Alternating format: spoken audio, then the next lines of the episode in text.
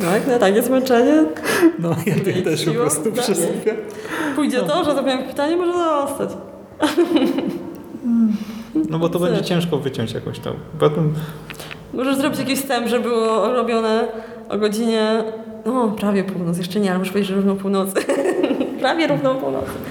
po 12 godzinach na festiwalu. Żarłok i Skóra i Mando, Jerry, Bogusia. Szymas. oraz nasi goście. Konglomerat Podcastowy. Wasze ulubione podcasty w jednym miejscu. zapraszamy. Zapraszamy. Zapraszamy. Zapraszamy. Zapraszamy.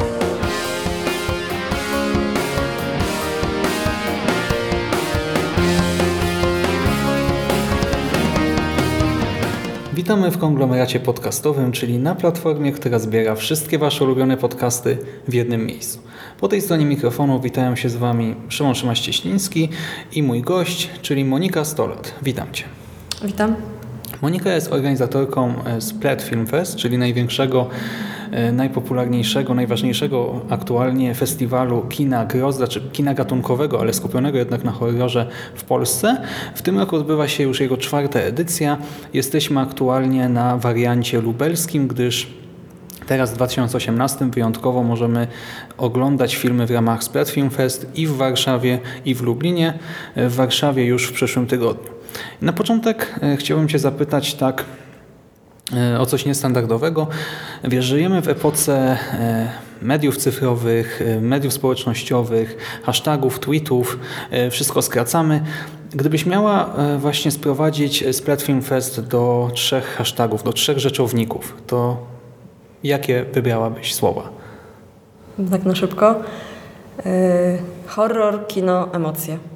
Doskonale. A gdybyśmy zamienili rzeczowniki na przymiotniki? Strasznie, yy, straszny, piękny, niepoprawny. Nie mnie oceniać niby, ale zgadzam się w pełni. Y, Tak jak wspomniałem, w tym roku y, można uczestniczyć w festiwalu niejako dwukrotnie, tydzień po tygodniu. Skąd pomysł na edycję warszawską? Jakby od początku pewnie organizowania festiwalu myślałam o tym, żeby dotrzeć do jak największej e, publiczności, a ponieważ e, kinoteka doceniła ideę festiwalu i sam festiwal i, i zechcieli z nami współpracować, no to, to była super, super okazja, super wiadomość. Bardzo się cieszę, że też będziemy mogli ten program pokazać w Warszawie. I tam też y, będzie możliwość uczestniczenia w kilku dodatkowych atrakcjach, między innymi w spotkaniu z reżyserem i scenarzystą Hagazussy, y, Lukasem y, Feigelfeldem oraz z odtwórczynią głównej roli Aleksandrą y, Cwan. Sven. Sven. Z Aleksandrą.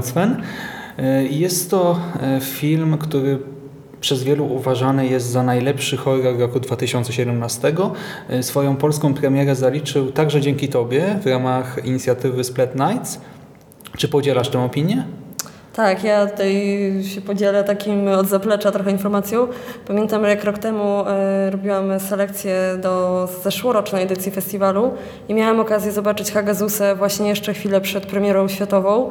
No i to była miłość od pierwszego wejrzenia. Stwierdziłam, że muszę zrobić wszystko, żeby ten film pokazać e, w Lublinie, w Polsce, bo, bo uznałam, że chyba to jest jeden z najciekawszych horrorów, jakie widziałam w ciągu ostatnich lat. Wtedy mimo chęci się nie udało, bo akurat premiera światowa była na Fantastic Fest dosłownie kilka dni po zakończeniu Splat Film Fest, więc no, nie, nie, nie wygraliśmy w Polsce Wschodniej z jednym z największych festiwali kina gatunkowego na świecie. No ale ten film gdzieś cały czas za mną chodził i udało się go pokazać właśnie w tym roku w lutym. On wtedy cały czas też jeździł jeszcze po festiwalach i zbierał nagrody. Do tej pory zresztą yy, jeździ. No ale pomyślałam sobie, że, że festiwal w tym roku to też jest świetna okazja, żeby, żeby ten film jeszcze raz pokazać. Y, A gdybyś miała go właśnie samodzielnie jakoś ocenić, to co jest w nim takiego wyjątkowego? E, Kurczę, dużo rzeczy. Jest e, przepięknie zrealizowany, jest też filmem o czymś, bo nawet pamiętam jak e, właśnie w lutym, jak ten film pokazywaliśmy, jeszcze zorganizowaliśmy spotkanie dotyczące polowań na czarownicę i to jest zdecydowanie film, który mm, nie tylko straszy, bo tam tych scen strasznych jest niewiele, aczkolwiek te, które są, są wystarczające. Natomiast y, wspaniale też jakby dotyka właśnie problemu polowań na czarownicę, ale w sposób też taki bardzo symboliczny. Przepiękne zdjęcia, fantastyczna muzyka, bardzo dobrze zagrany, genialnie wyreżyserowany. Świetny. W Warszawie czeka nas jeszcze jedna atrakcja i e, tutaj muszę się pochwalić, że e, byłem w ubiegłym roku obecny na spotkaniu po jednym z seansów w pubie, e, w ramach którego właśnie wspomniałaś, że chciałabyś zaprosić na któryś z Splat Film Fest Lloyda Kaufmana, a więc jakby nie patrzeć legendę tego amerykańskiego e, kina, ikonę popkultury i chciałbym Cię zapytać, e, czy trudno było zaprosić właśnie ikonę popkultury do Polski na festiwal, który no teraz już ma swoją renomę, tak? To jest ta czwarta edycja, już się o nim mówi na świecie, no ale nadal jednak mówimy o Polsce, o tym bloku wschodnim dawnym, tak? O dziwo nie było trudno, ale to też dlatego, że ja już filmy Tromy gdzieś na przestrzeni ostatnich lat y, pokazywałam przy okazji innych y, przeglądów, y, między innymi na najlepszych z najgorszych. No i jakby kontaktując się w sprawach praw autorskich, licencji, gdzieś te maile wymienialiśmy od czasu do czasu już przez kilka ostatnich lat, nie wiem, ze trzy lata może. No i w międzyczasie też umówiliśmy się na, Skype'a z Lloydem Kaufmanem i to dla mnie też było takie ciekawe doświadczenie, bo niby już e, pracuję w branży, organizuję festiwal, ale jednak tak się czułam e, podekscytowana tą sytuacją, bo też no, jestem fanką Tromy od e, wielu lat, więc ciesz, cieszyłam się, że mogę z samym Lloydem porozmawiać. No i wtedy też podczas tej rozmowy naszej na, na Skype'ie pojawił się taki pomysł, że, że może w końcu zaprosić go, go do Polski i tak jak mówię, ten kontakt y, się rozwijał przez te ostatnie lata, ale chętnie przyjął zaproszenie. Oczywiście, tak jak to w przypadku takich zajętych twórców jak on, musieliśmy trochę poczekać, żeby znaleźć y, terminy, które pasują y, jemu i nam, no i w końcu się udało. Mhm. I często, gdy się myśli o takich właśnie legendach, gwiazdach, ikonach, no to spodziewamy się jednak osoby być może troszkę jakoś tam, mm, nie wiem, zamkniętej w sobie, czy też yy, egocentrycznej, yy, niedostępnej. A Ty właśnie miałeś okazję do tej rozmowy. Jaki był Lloyd Kaufman w Twojej ocenie, tak prywatnie bardziej? No, po tej, po tej rozmowie dosłownie półgodzinnej, y, to, to myślę, że bardzo inteligentny człowiek, y, bardzo mm, sympatyczny, otwarty. Jakby nie mam żadnych, żadnych negatywnych y, opinii na, na jego temat. Wręcz też jak rozmawialiśmy na, na, na tym Skype'ie, to mm, też mnie zagiął jakąś informacją dotyczącą Lublina, której ja nie wiedziałam, on wiedział. Mhm. Czyli ten e, stereotyp e, związany z jego zdjęciami, tego właśnie sympatycznego pana e, w kolorowej muszce potwierdził się też w rzeczywistości. Tak, chociaż on zawsze sprawia wrażenie takiego nie do końca poważnego, właśnie przez to, że, że zawsze się tak wygłupia i robi te y, śmieszne, dziwne miny, ale zdecydowanie myślę, że jest bardzo inteligentnym y, człowiekiem. Mm, I chciałem Cię właśnie zapytać o to, jak się zapatrujesz na twórczość, którą już wspomniałaś, że jesteś fanką. To powiedz może, za co e, ją cenisz sobie i czy masz jakiś swój nie wiem, ulubiony film z tej wytwórni? Jeżeli tak, to jaki i dlaczego? Mm, Dobre pytanie. Myślę, że przede wszystkim za, no jakbym powiedziała, za seks i flaki to może byłoby banalne, ale generalnie za takie anarchistyczne wręcz y, podejście do kina, y, za nieograniczanie się do jakichś norm, za krytykę społeczeństwa, za, za to wszystko, z czego Troma jest popularna tak naprawdę. Um, ulubione filmy, trochę tych jest. Chyba nie będę też y, super oryginalna, jeśli powiem, że oczywiście Toksyczny Mściciel jest y, w tej czołówce. Y, jakiś taki sentyment mam też do filmu Surfujący naziści muszą umrzeć. Mhm. A dlaczego konkretnie te dwa byś wybrała? Za tytuł i za temat. Rozumiem. Dobrze, więc e, mówiliśmy już o dwójce gości. W Lublinie natomiast e, zagościł zresztą dzisiaj Marek Piestrak, a w Warszawie jeszcze pojawią się Adrian Panek i Dominik Danilczyk, a więc e, w sumie reprezentanci e, tak Marek Piestrak i tych dwóch panów, e, dwóch e, różnych podejść do kina gatunkowego w Polsce. Tak trochę przez czas, e, w jakim tworzyli, czy też tworzą przez realia społeczne, polityczne. Powiedz mi, jakie jest e, Twoje zdanie na temat polskiego kina grozy? Jakie oceniasz jako właśnie organizatorka największego takiego branżowego festiwalu związanego z filmowym horrorem? Chyba nie mam jakiejś specjalnej opinii. Cały czas gdzieś tam narzekam, że, że to kino gatunkowe, kino grozy nie jest należycie doceniane w kraju. Ale z drugiej strony y, właśnie teraz mam pierwszy raz w historii festiwalu, co prawda czteroletniej dopiero, nowy, nowy film, który, który jest y, współczesny film, który jest polskim horrorem, ale z drugiej strony też na przykład w tym roku w sekcji filmów krótkometrażowych y, całkiem niemało pojawiło się też polskich filmów i to często studentów właśnie polskich uczelni szkół filmowych. Więc y, kto wie, może coś się też y, ruszy i zmieni w przyszłych latach. Trudno mi jakoś oceniać, zastanawiam się z czego, z czego to wynika, czemu tych filmów jest y, nie za wiele, ale mam jakieś teorie, ale nie wiem, czy one, czy one mają sens. Mhm. Ale właśnie obserwując te filmy krótkometrażowe, masz nadzieję na to, że coś się może tutaj poprawi, że jednak twórcy się interesują tą tematyką też? Tak, nawet rok temu mieliśmy jeden albo dwa filmy, które zostały zrealizowane specjalnie na festiwal.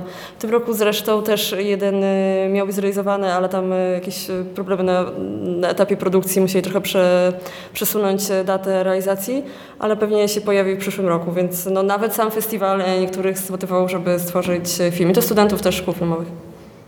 Kolejny plus, kolejna zaleta Splat Film Fest, a to kino e, bardziej już leciwe, historyczne, te filmy grozy polskie sprzed lat, właśnie między innymi Marka Piestraka, ale też nie wiem, innych twórców Medium, Lokis i tak dalej. E, Jakie masz do nich podejście? Sentymentalne, raczej pozytywne, czy jednak czujesz, że to są troszkę ramotki z innej epoki? Nie, chyba nie, nie, nie kojarzę takiego filmu polskiego pełnometrażowego, do którego miałabym negatywne podejście. Jakby cieszę się, że w ogóle jakieś filmy powstały, a przy okazji myślę, że e, wszystkie one są e, ciekawe, czy jeszcze Andrzej Żuławski, którego filmy rok temu pokazywaliśmy. Dziś, dzisiaj e, spotkanie z Markiem Piestrakiem. Ja też wiem, że, że o Wilczycy, czy po wrocie Wilczycy czasami też e, nie zawsze te opinie krytyczne były pozytywne, natomiast ja jestem e, e, fanką, myślę sobie, że biorąc pod uwagę, jakie trudności, e, sam reżyser o tym dzisiaj opowiadał, jakie ogromne trudności mieli w związku z produkcją, e, na całym procesie produkcji filmu, to tym bardziej wielkie gratulacje, a poza tym e, te filmy mają e, klimat grozy, taki naprawdę działający. E, I pozostając właśnie w temacie e, dobrych filmów, rok temu wielokrotnie podkreślałaś, że twoim takim absolutnym faworytem e, tamtego festiwalu był film The Mouse.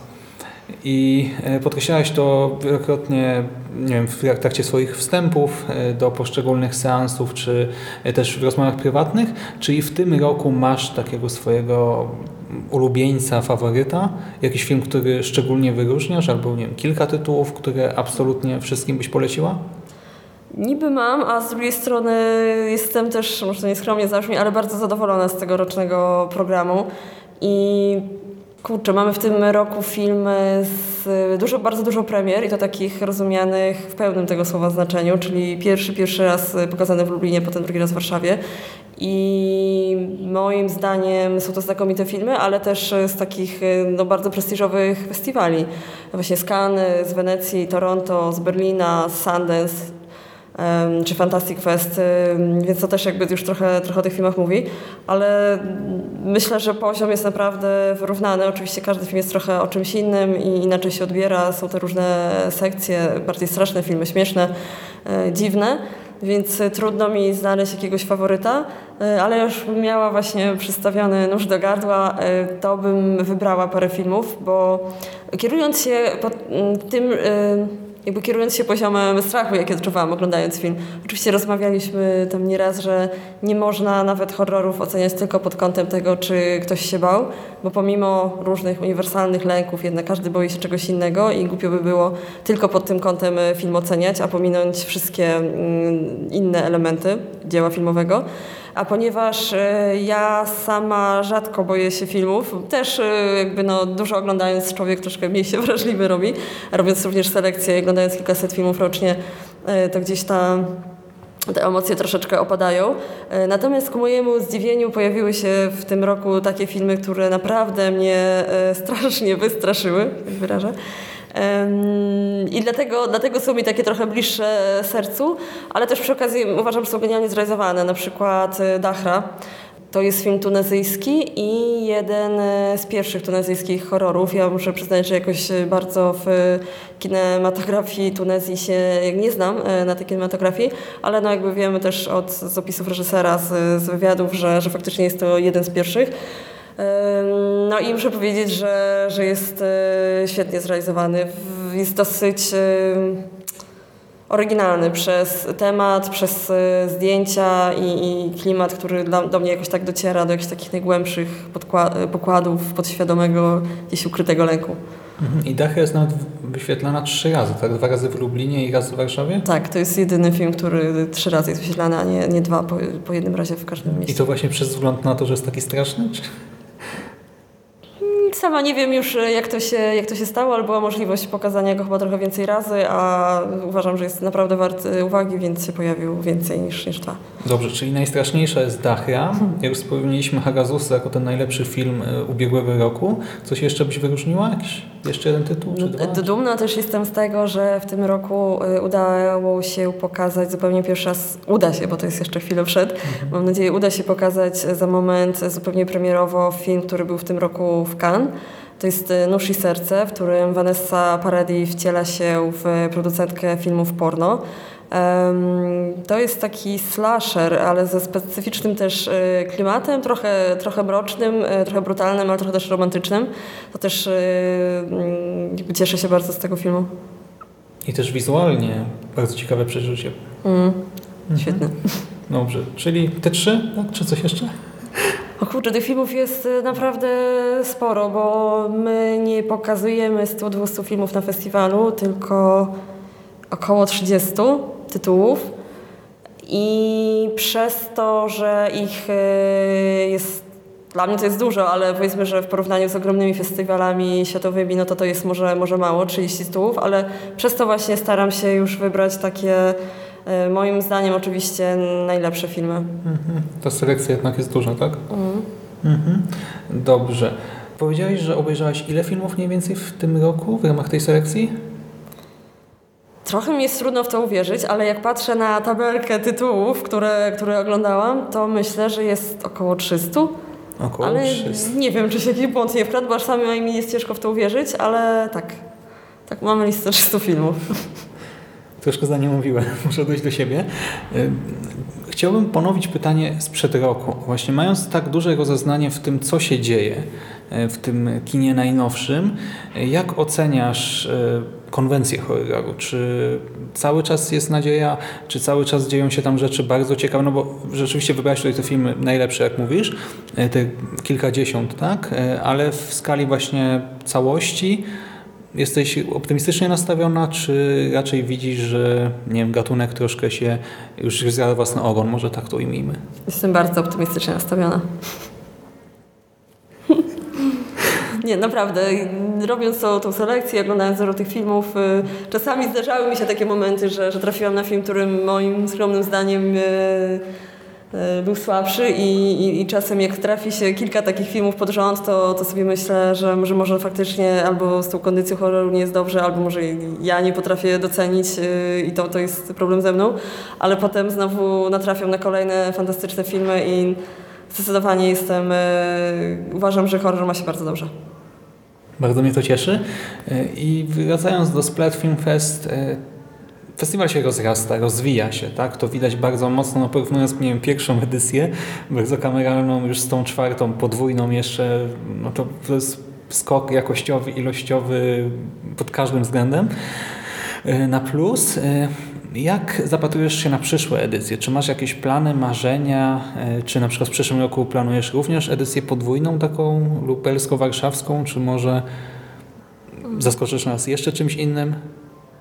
Y, Największe, największe marzenie z Platform Fest to jest y, znaleźć w końcu sponsora strategicznego.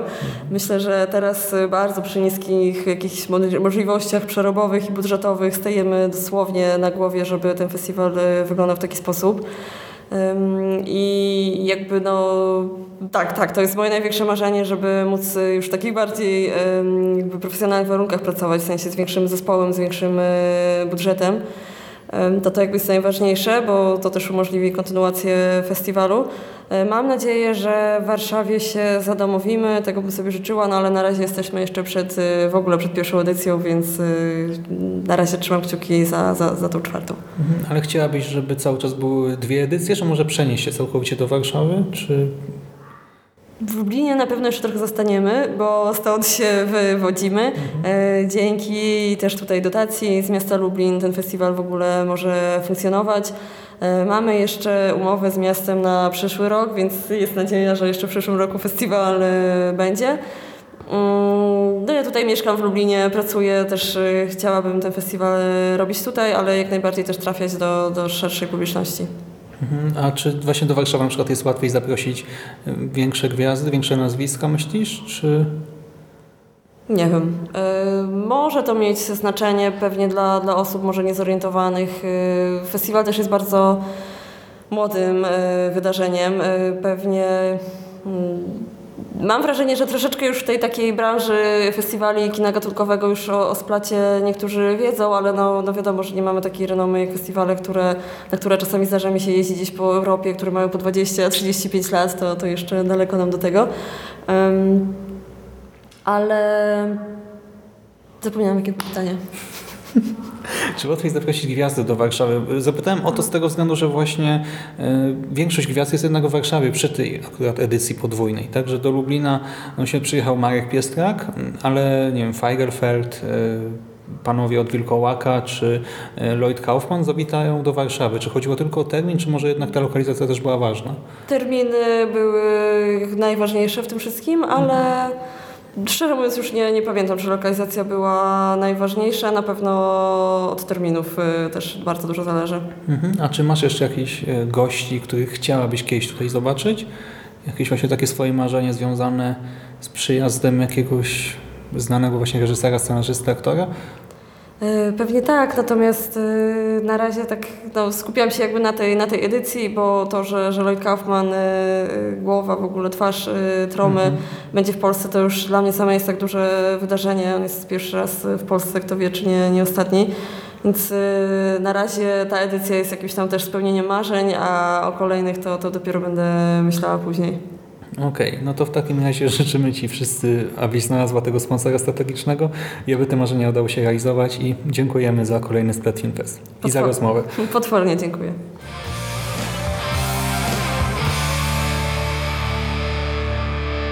You finished?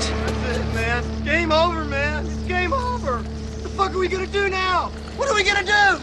It's over. Nothing is over! Nothing! You just don't turn it off!